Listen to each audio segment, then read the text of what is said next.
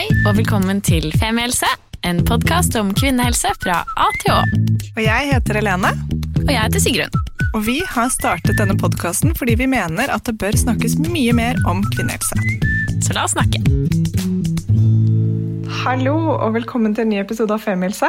Hei, Femihelse Home Edition. Yes, Home Edition, Corona Edition, part 28. Noe sånt. Nei da.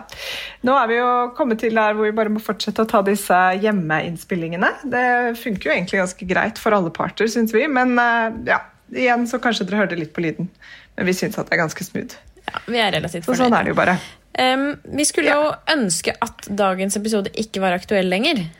Uh, Det tenker i hvert fall jeg. Og jeg husker også at Vi to diskuterte sånn før sommerferien om vi skulle spille inn en episode om koronagraviditet. Vi bare Nei, er ikke det litt sånn old news? Vi gidder ikke det. Det er vel ferdig nå. Folk må jo bli lei av det her, tenkte vi. Men den gang ei. Nei, Og nå er jo mutanten kommet, Yes. og Norge stenger ned bit by bit, så det er dessverre mer aktuelt enn noensinne. Og Derfor er vi veldig glad for at de tok kontakt med oss fra Det norske instituttet for kvinnehelseforskning. Stemmer ikke det, Lene? Sånn Jo. cirka, i hvert fall. Og sa hei, vi har en skikkelig flink overlege og spesialist i eh, hva var det nå? Kvinnehelse og fødsler og Du får correct me. Eh, I hvert fall Marte Myhre Reigstad, som vi skal snakke med i dag. Ja. Hei, Marte. Hei. Så velkommen eh, hjem til ditt eget hjemmekontor, Marte, og inn i vår Mac og telefon. Tusen takk for at jeg får komme. Veldig hyggelig at du, at du kunne det. Et så aktuelt dessverre tema, men viktig å få liksom ut eh, siste nytt og siste forskning på det. Um, før vi kjører i gang, kan ikke du introdusere deg selv? Fordi vi prøvde jo her, og det gikk jo sånn ganske greit. Jeg er um, forsker og spesialist i um, lege og spesialist i fødselshjelp og kvinnesykdommer. Da. Så det var jo ganske, ganske rett på det, altså. Ka-ching. Ja. Og eh, vi jobb, jeg jobber på Nasjonal forskningssenter for kvinnehelse. Og på Ullevål med pasienter, eller? Ja, på Rikshospitalet på fødeavdelingen. Spennende. Hvordan endte du opp med å gjøre dette? Um, hvordan jeg endte opp helt, helt, helt her? Nei, å, det, veien blir jo litt til mens man går den, da. Men uh, jeg um, syns jo faget er veldig spennende. Det, var, eh, det skjønte jeg ganske tidlig at jeg skulle drive med eh, ja, gynekologi og fødselshjelp. Da. Altså kvinnehelse og fødselshjelp. Og så forskningen også var en veldig sånn Det tilføyde en dimensjon til i eh, arbeidet med pasienter. Så derfor ble jeg litt av begge, da. Så fint. Kult. Så bra. Um, vi sendte jo også ut en liten uh, uh, henvendelse på Instagram og fått inn masse spørsmål. Dette er jo 100 klart noe som engasjerer skal jeg si, målgruppen veldig. Uh, for de av dere som, som tenker på å bli gravide, er gravide eller kanskje akkurat har vært det, så er jo selvfølgelig det å gå gjennom det under en pandemi en greie. Sigrun, du fikk jo dine siste måneder under pandemien. Eh, noe som du egentlig syns var ganske fint. Altså, jeg eh, Til alle som Altså, jeg syns jo at dette har vært en, egentlig en fantastisk tid å få barn på. Eh, og det er veldig mange som ikke er enig med meg, men altså For det første, det har vært en sånn enorm ro over samfunnet som har gjort det veldig enkelt å bare fokusere på baby og seg sjæl. Og eh, nummer to husker jeg ikke, fordi jeg fortsatt har ammehjerne. Og hver gang jeg tenker noe, så forsvinner det. Så jeg tror vi bare Kanskje går fordi du ikke har sosial, eh, sosial angst, at du kan få lov til å avlyse med folk over en lav sko. Er det også deilig? Ja, det er veldig deilig. Og så er det, jeg fikk jeg også kjenne veldig på, eh, på baksiden av det. Da jeg, etter at Eva ble født i mai, eh, så måtte jo Jon gå et par timer etterpå. Eh, og jeg lå alene på barsel i tre dager, så jeg har absolutt også kjent på, på nedsiden av det å få barn under korona og ikke ha noen barselgruppe og eh, litt annerledes oppfølging eh, på helsestasjonen. Så jeg vil absolutt si at, eh, at ja, jeg har opplevd å få barn under en- pandemi, og jeg antar at det er ganske annerledes. På eh, litt godt og mest vondt enn det å ikke få det. Men eh, jeg tenkte jo veldig mye på dette før jeg ble født, og eh, nå sitter hun og skriker i bakgrunnen her, så det er litt vanskelig å fokusere. Men eh, Eh, og ja, var veldig urolig for liksom, hvor, hvor, mye vi måtte isolere oss, og hvor stor var sjansen for at spesielt Jon kom til å bli smittet, og hva kom til å skje da. Så ja, nå er jeg veldig spent på hva du har å si om dette. her. Kan ikke du begynne å liksom, fortelle oss litt om hva er situasjonen nå når det liksom kommer til graviditet og korona? Hva vet man? Mm. Så akkurat det du eh, sier, Sigrun, er jo det som, som grep oss litt også, ikke sant? Um, I starten av pandemien så var det veldig mye uh, usikkerhet. Vi visste litt om um, hvordan en influensa eller en koronavirusinfeksjon kan være ut ifra de tidligere um, epidemisituasjonene, som ikke har vært pandemier, men som har vært et sånn småutbrudd. da. pandemi, det betyr jo at hele verden er rammet, ikke sant. sånn at uh, da satt man med litt sånn uro um, i lys av de tidligere episodene. Um, noen husker kanskje svineinfluensa. Nå vet vi mye mer, og har mye eh, Selv om i Norge har vi vært eh, veldig skånet og hatt få eh, tilfeller, tross alt, så har dessverre veldig mange andre samlet eh, veldig mye mer erfaring. Og det gjør oss jo ganske mye tryggere der vi står, da. Så egentlig det, det første kanskje liksom åpningsspørsmålet her, er det slik at hvis du er gravid, så er det, er det lettere å få korona eller vanskeligere? Altså, er du, er du lett, blir du fortere smittet? Lettere smittet? Mm. Vet du noe om det? Ja, eh, det ser eh, ut som eh, Det er ikke entydige tall, men man er kanskje litt mer utsatt. Fordi immunforsvaret er svekket. Fordi man har en, et fremmedlegeme i kroppen, barnet, og da er immunsystemet justert sånn at ikke det skal støte ut barnet som et fremmedlegeme. Så derfor så tror vi at man er litt mer mottakelig. Men studiene er ikke helt entydige, fordi dette med å måle forekomst, det er så komplekst. Og det er noe vi alle har også stiftet eh, veldig bekjentskap med det siste året. ikke sant? Hvordan måler man eh, antall smittede? Det kommer an på hvem gruppe man måler. Hvilken, hvilken pasientgruppe man måler. Og dette er vel en pasientgruppe som i utgangspunktet er eh, ganske forsiktig, er det ikke det? Det er det nok. Og eh, mitt inntrykk er jo at veldig mange gravide som kommer på poliklinikkene, eh, eller på sykehuset, da, har vært veldig forsiktige. Fordi dette er den ene gangen i livet, ikke sant? Kanskje en av de to eller tre gangene i livet. Kanskje den eneste gangen. Så dermed vil jo også forekomsten bli kunstig kanskje litt lav. Fordi det er mindre utsatte. Mm. Eh, og så kan du si at i noen eh, studier så i ulike studier har man målt ulike grupper av gravide. Noen, noen, steder har man målt alle gravide som kommer inn på sykehuset. I New York gjorde de det, for, eksempel, for det var så kjempemange som var smittede. Så for å få oversikt så testet de alle. Og da vil du få en annen forekomst enn hvis du tester de som kommer med hoste til fastlegen eller til luftveisklinikken. Mm. Ja, ikke sant? Fordi at eh, det er en del som ikke har symptomer. sånn at Hvis du hadde på en måte testet hele befolkningen, absolutt alle, så ville du fått et annet svar enn hvis du kun tester de som, som opplever at de har symptomer selv. Ja, da vil du få mye høyere svarprosent ikke sant, på, på korona, antageligvis. Mm. Um, og da, Et naturlig fortsettelsesspørsmål av det er jo eh, ok, Det kan være litt høyere forekomst, men er det eh, mer farlig eh, for gravide å få korona? Så um, det som um, jeg har lest, og etter hvert som man har fått mer og mer um, publiserte studier på dette fra uh, andre land enn Norge, så ser det ut til at gravide er litt mer utsatt for å få alvorlig sykdomsforløp ved korona. Men er det noe da også som går utover barnet, eller er det først og fremst mor? Det ser ut som at um, Ut ifra de dataene som eksisterer nå, at det er um, på en måte mest farlig for den gravide. I den grad det er farlig, da. Men uh, det ser ut som uh, også noen nyfødte blir uh, litt syke. Men de aller fleste barn har vi jo hørt at klarer seg ganske bra. Og det stemmer også for nyfødte. Vil du si at um, hvis man er gravid og får influensa, vil det også oppleves og Jeg vet at det er liksom farlig å sammenligne covid-19 og en vanlig influensa, altså, men jeg bare prøver å liksom et sammenligningsgrunnlag. Hvis jeg får influensa, Og, og venninna mi som er høygravid for influensa, vil hun eller sånn, Det blir jo én mot én, da, men sant, i det store tallet generelt sett vil gravide føle seg dårligere av andre sykdommer også. Ja, um, både og. Ja.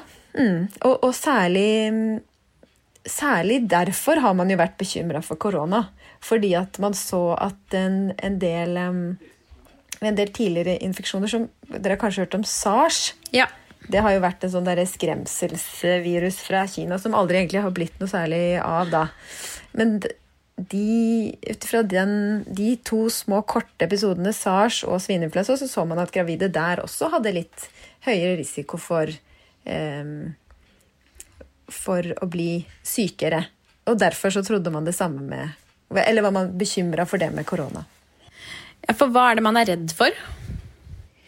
Det, altså, det ene er hvordan, eh, hvordan sykdommen eh, på en måte herjer i en gravid kropp, og det andre er hvordan sykdommen påvirker fosteret.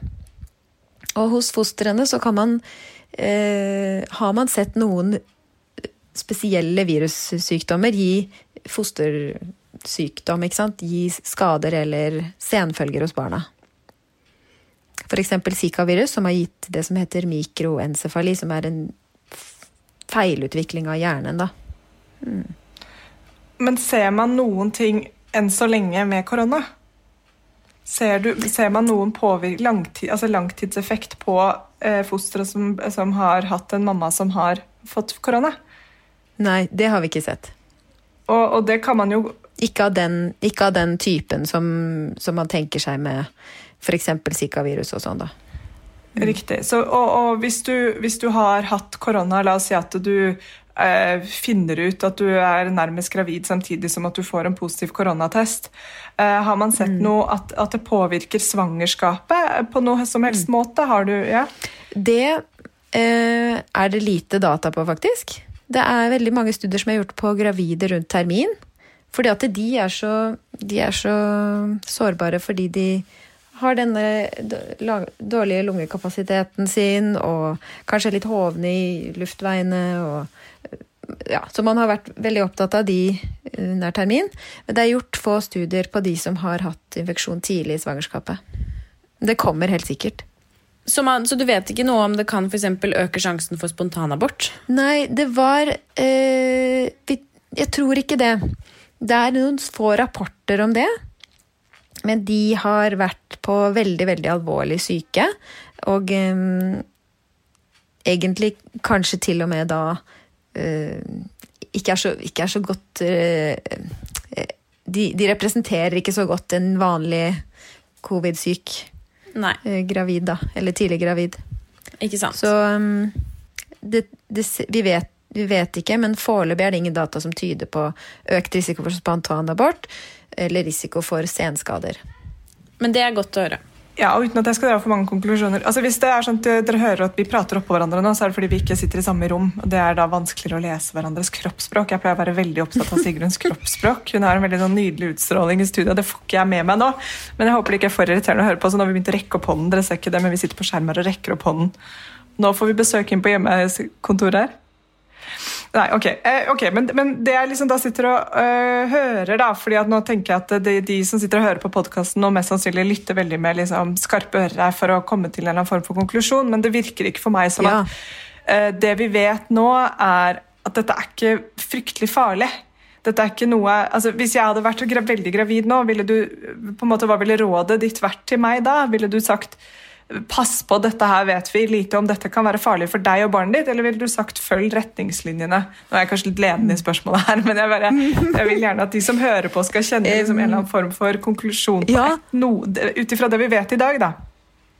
Og det er veldig viktig, for det, det der å spørre igjen for å sjekke at du har forstått det riktig, det tror jeg er kjempeviktig. Og det eh, er jeg veldig opptatt av at pasienter også skal gjøre når de er hos meg. At vi skal, liksom, de skal gå hjem, og så skal de ha forstått hva jeg har sagt. Så det er viktig. Det er bra du sier, Helene. og um, for en vanlig frisk gravid så um, har hun litt økt risiko for å bli ordentlig dårlig av korona. Den er ikke veldig stor, men litt økt er den. Det ser ut som det går veldig bra med barna. Og så Ja. er det slik, sånn som vi har hørt mange ganger i år, at det er noen gravide og noen barn som er ekstra sårbare. Og det kan jeg si litt om, hvis du vil. Veldig gjerne. Veldig gjerne. Ja. Det ser ut som at de gravide som er mest utsatt, er de med litt, noen underliggende sykdommer. De med overvekt, de med foruteksisterende diabetes. Altså ikke de som får svangerskapsdiabetes, men de som har en diabetes. Sukkersyke fra før. Eh, og de eldste gravide. Det var de som viste seg å ha størst risiko for å bli overflyttet til en intensivavdeling og trenge det som vi kaller eh, respirasjonshjelp, eller pustehjelp, da. I en eller annen format. Går du under kategorien eldre gravid hvis du da er sånn og Er det over 37, sånn cirka? De hadde delt inn i to aldersgrupper, da, så de hadde pluss og minus 35 år, faktisk. Mm. Og det er rett og slett fordi de må sette et sted, ikke sant? Sette en cutoff et sted. Mm. Og så har vi hørt om det med etnisitet. Sikkert noen av dere. Men, men det, det gjelder også gravide. At noen eh, etniske grupper har mer, høyere risiko. Hvem er det, da? Altså ikke non-Caucasian, da ikke, hvit, ikke hvite.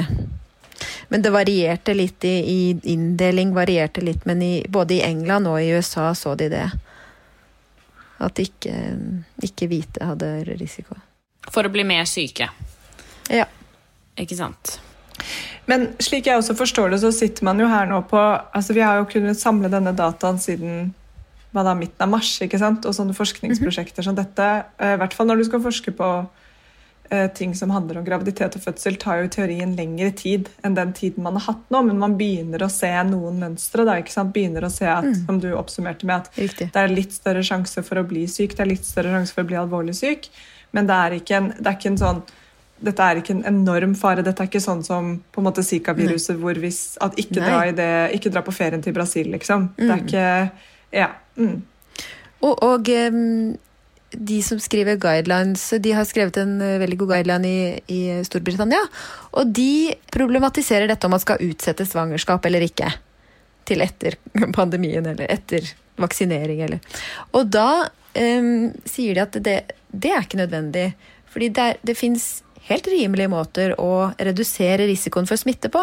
Dette har jo, har jo vi ganske god styr på nå, ikke sant? Du kan redusere sjansene dine. Du kan eh, ta de hensyn du syns du må, da. Ut ifra hvor du vil ligge i risikogruppe. Eller i, i risiko. Hvor, hvor tøff du er. Ja, ikke sant. Og da er jo neste spørsmål, hvis vi er inne på dette med å, å forhindre eh, å bli syk, er det slik at eh, hvis du plan... Eller eh, dette med vaksinen. Hva, hva er tankene rundt det å ta vaksinen, enten mens du er gravid, eller eh, rett før du planlegger å bli gravid? Det er jo to forskjellige spørsmål, da, selvfølgelig. Men, men hvis, hvis du skulle tatt vaksinen eh, i uke 10, da, og så blir du gravid i uke 13, eh, tenker man at det er liksom dumt? Eller, eller, eller hvis du allerede er gravid, vet man noe om det? Det med vaksinen um, vet vi jo ikke egentlig. For gravide vet vi ikke. Um, I Norge så tror jeg det er sånn nå at har du blitt gravid etter første dose, så skal du ikke ta andre dose. Tror jeg. Og eh, hvis du er gravid, så skal du vaksineres i henhold til em, risikogruppevurdering. Er du i en risikogruppe, så skal du ha vaksine. Tror jeg det er sånn nå. Dette har vært litt frem og tilbake, men um, dette står veldig tydelig på Folkehelsa sine sider også. Men det er jo opp til hver enkelt. Det er jo selv, selvfølgelig en, en, mm. en egen beslutning man tar, da. Hva med ammene? Ammene tror jeg skal ta vaksine. Ja, de, de tror jeg også skal ta vaksinen. Mm. Ikke sant? Og, men hvis du ammer, og så får du korona og du er midt i ammingen, og du kan jo ikke liksom, du har en bitte liten baby, så det er ikke sånn at du kan vurdere å slutte ammingen akkurat den uken. Du kan jo selvfølgelig det, men hva gjør man da? Altså, det er jo fryktelig vanskelig å ikke smitte sin egen baby hvis du er midt i ammingen. og, og hva, Ja. hva, Har du noen tanker rundt det? Og uansett hva du skal gjøre med en, om du ammer eller ei. Ikke sant? Det å ha et Ja. barn som du vil være nært. Ja, 100 ikke sant? Ja. Du kan ja, eller hva, Og det gjelder jo kanskje da? ikke bare i amming, det gjelder jo også hvis du har små barn. Så Altså Mest sannsynlig, hvis du har barn eller bor sammen med noen generelt sett, så vil vel alle kanskje bli smittet før man selv får symptomer. Sånn at det er Ja. noe det er vanskelig å ta forhåndsstilling til. Nei, jeg bare så for meg den unlikely scenario at, at mor fikk påvist korona og ikke far, og at han på en måte kunne, eller partner selvfølgelig, medmor, kunne ta over ansvaret akkurat da for babyen til du var frisk. Men jeg skjønner at dette går jo ikke. ikke sant? Det er jo det tingen at dette går ikke an å leve sånn. Og jeg kjenner jo jeg kjenner jo par hvor, hvor både mor og far har hatt korona, og så vet man jo ikke helt om babyen har hatt det eller ikke, men det har gått bra med alle sammen. Altså det, eh, det går fint, men, men, eh, men er det noe Så det er kanskje ikke så mye å gjøre da. Da er det bare å på en måte håpe på at det, blir, at det går greit, på en måte. Og de, de fleste har vel en slags eh, I hvert fall det vi praktiserer på, på føden og på barsel, har vært at um, man eh, har munnbind og holder um, god håndhygiene, og ammer, faktisk. Fordi ammingen er såpass viktig i starten av livet, med tanke på immunsystem og Kan barnet da også få noen altså form for positive antistoffer ut av dette her? Ja, det, det vet vi faktisk ikke noe om. Det, det har ikke jeg sett noe data på, i hvert fall. Men det, det er jo det som er tanken med andre typer virus. Da svineinfluensaen eh, holdt på, da, da fikk jeg mitt første barn, og da var det, husker jeg, veldig eh, problematisert. Og man tenkte seg at det var tryggere at eh, man ammet, og at barnet eventuelt fikk da de eh, influensaantistoffene. Altså jeg må si For min egen del, da jeg var gravid, så var jeg faktisk mest bekymret for å få korona rett etter at barnet hadde kommet. Ja. Eh, og ikke fordi at jeg var redd for å En ting er liksom jo fordi det var et bitte lite skjørt barn, men det var også den tanken på at jeg skulle bli så syk at jeg ikke skulle klare å ta vare på henne. på en måte. Eh, det var jeg mest bekymret for, også som var sånn hovedgrunnen for å være ekstra forsiktig. I hvert fall tiden sånn rett før. da. Selvfølgelig, Og det at Jon Ja. veldig gjerne skulle være med. Men um, ja, det tenkte jeg mye på. Men man kjenner veldig på den voldsomme ansvarsfølelsen. ikke sant? Jeg kan huske at da jeg, da jeg fikk mitt første barn, var jeg kjemperedd for å få omgangssyken. For jeg tenkte, hvordan skal jeg gjøre det det døgnet? Så det er jo det, det, er det man, man blir så veldig truffet av. Den ansvarsfølelsen og den eh, overveldende følelsen av å bli forelder, da, tenker jeg mest. mest. Og i tillegg da gå med den angsten for eh, denne pandemisituasjonen.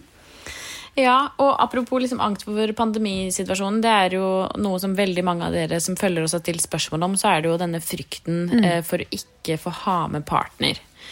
Og jeg kan jo skjønne, altså jeg skjønner spørsmålet deres veldig godt. fordi hvis jeg er smittet som fødende kvinne, så er jo mest sannsynlig partneren min det også, og vice versa. Altså hvis ikke jeg har symptomer, men han har symptomer, eller hun.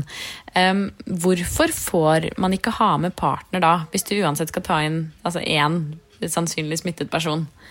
Nei, jeg, eh, jeg tror man har tenkt at det er veldig sårbart å ha Hvis du har en partner som er syk, og du selv ikke er syk, er man jo veldig redd for at det skal komme inn der hvor man har sårbart både pasienter og personell, da. Så man tenker seg vel at det å redusere de potensielle smittekildene til et absolutt minimum Var, det svar på spørsmålet? Eh, jo, jo, det var et svar på spørsmålet. Eh, og jeg tror jo, altså Men jeg kan forstå at det føles veldig kjipt, da. Ja, Ganske firkanta. Ja, og jeg tror de aller fleste kan jo liksom forstå rasjonalet i det når man sier det sånn som det. Men, men hvis man kommer i en situasjon der f.eks. nå, eh, når dette muterte viruset i Follo ble et faktum, så eh, sa jo Ahus eh, ganske raskt at føde, de som, altså kvinner som skulle føde, måtte gjøre det alene. Og det trakk de jo heldigvis tilbake eh, igjen dagen Ja. etter.